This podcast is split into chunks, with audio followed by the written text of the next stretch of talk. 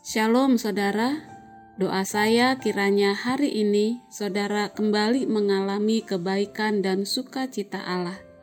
Firman Tuhan yang akan memberkati kita terambil dari Mazmur pasal 74.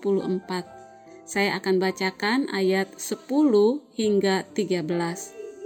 Berapa lama lagi ya Allah lawan itu mencela dan musuh menista namamu terus-menerus? Mengapa engkau menarik kembali tanganmu, menaruh tangan kananmu di dada? Namun engkau, ya Allah, adalah Rajaku dari zaman purbakala yang melakukan penyelamatan di atas bumi. Engkaulah yang membelah laut dengan kekuatanmu, yang memecah kepala ular-ular naga di atas muka air. Demikian firman Tuhan.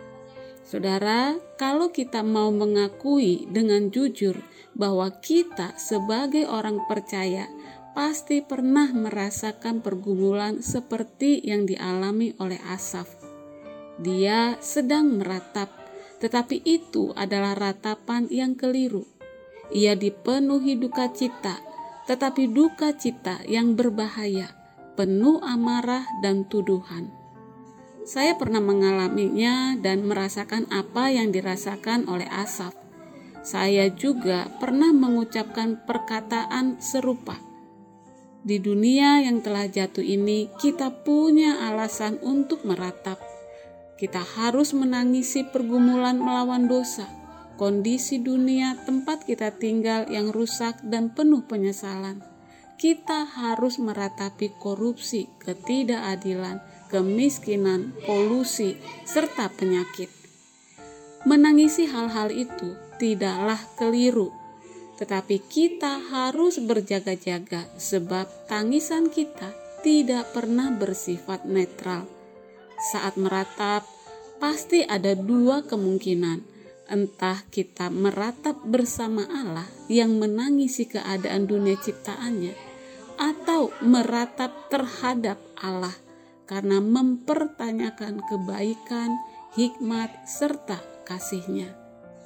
Kita tergoda untuk meragukan Allah ketika melihat kenyataan bahwa kita sebagai anak Allah harus mengalami sesuatu yang tidak adil bila dibandingkan dengan orang lain yang mengabaikan Allah. Kelihatannya orang baik harus menderita, sedangkan orang jahat hidup enak. Menghadapi realita ini, Asap serta merta berkata, "Aku sudah taat, tetapi inikah upahnya?" Itu merupakan tuntutan penuh amarah terhadap kebaikan Allah. Saat kita tidak mengerti keadaan yang terjadi, maka berlarilah kepada kebaikan Allah daripada mempertanyakan keberadaannya. Bersama Asaf, Mari kita katakan, sekalipun dagingku dan hatiku habis lenyap, gunung batuku dan bagianku tetaplah Allah selama-lamanya.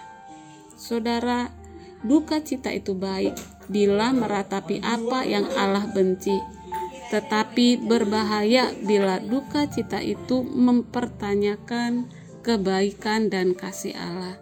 Kiranya Tuhan menolong kita. Amin.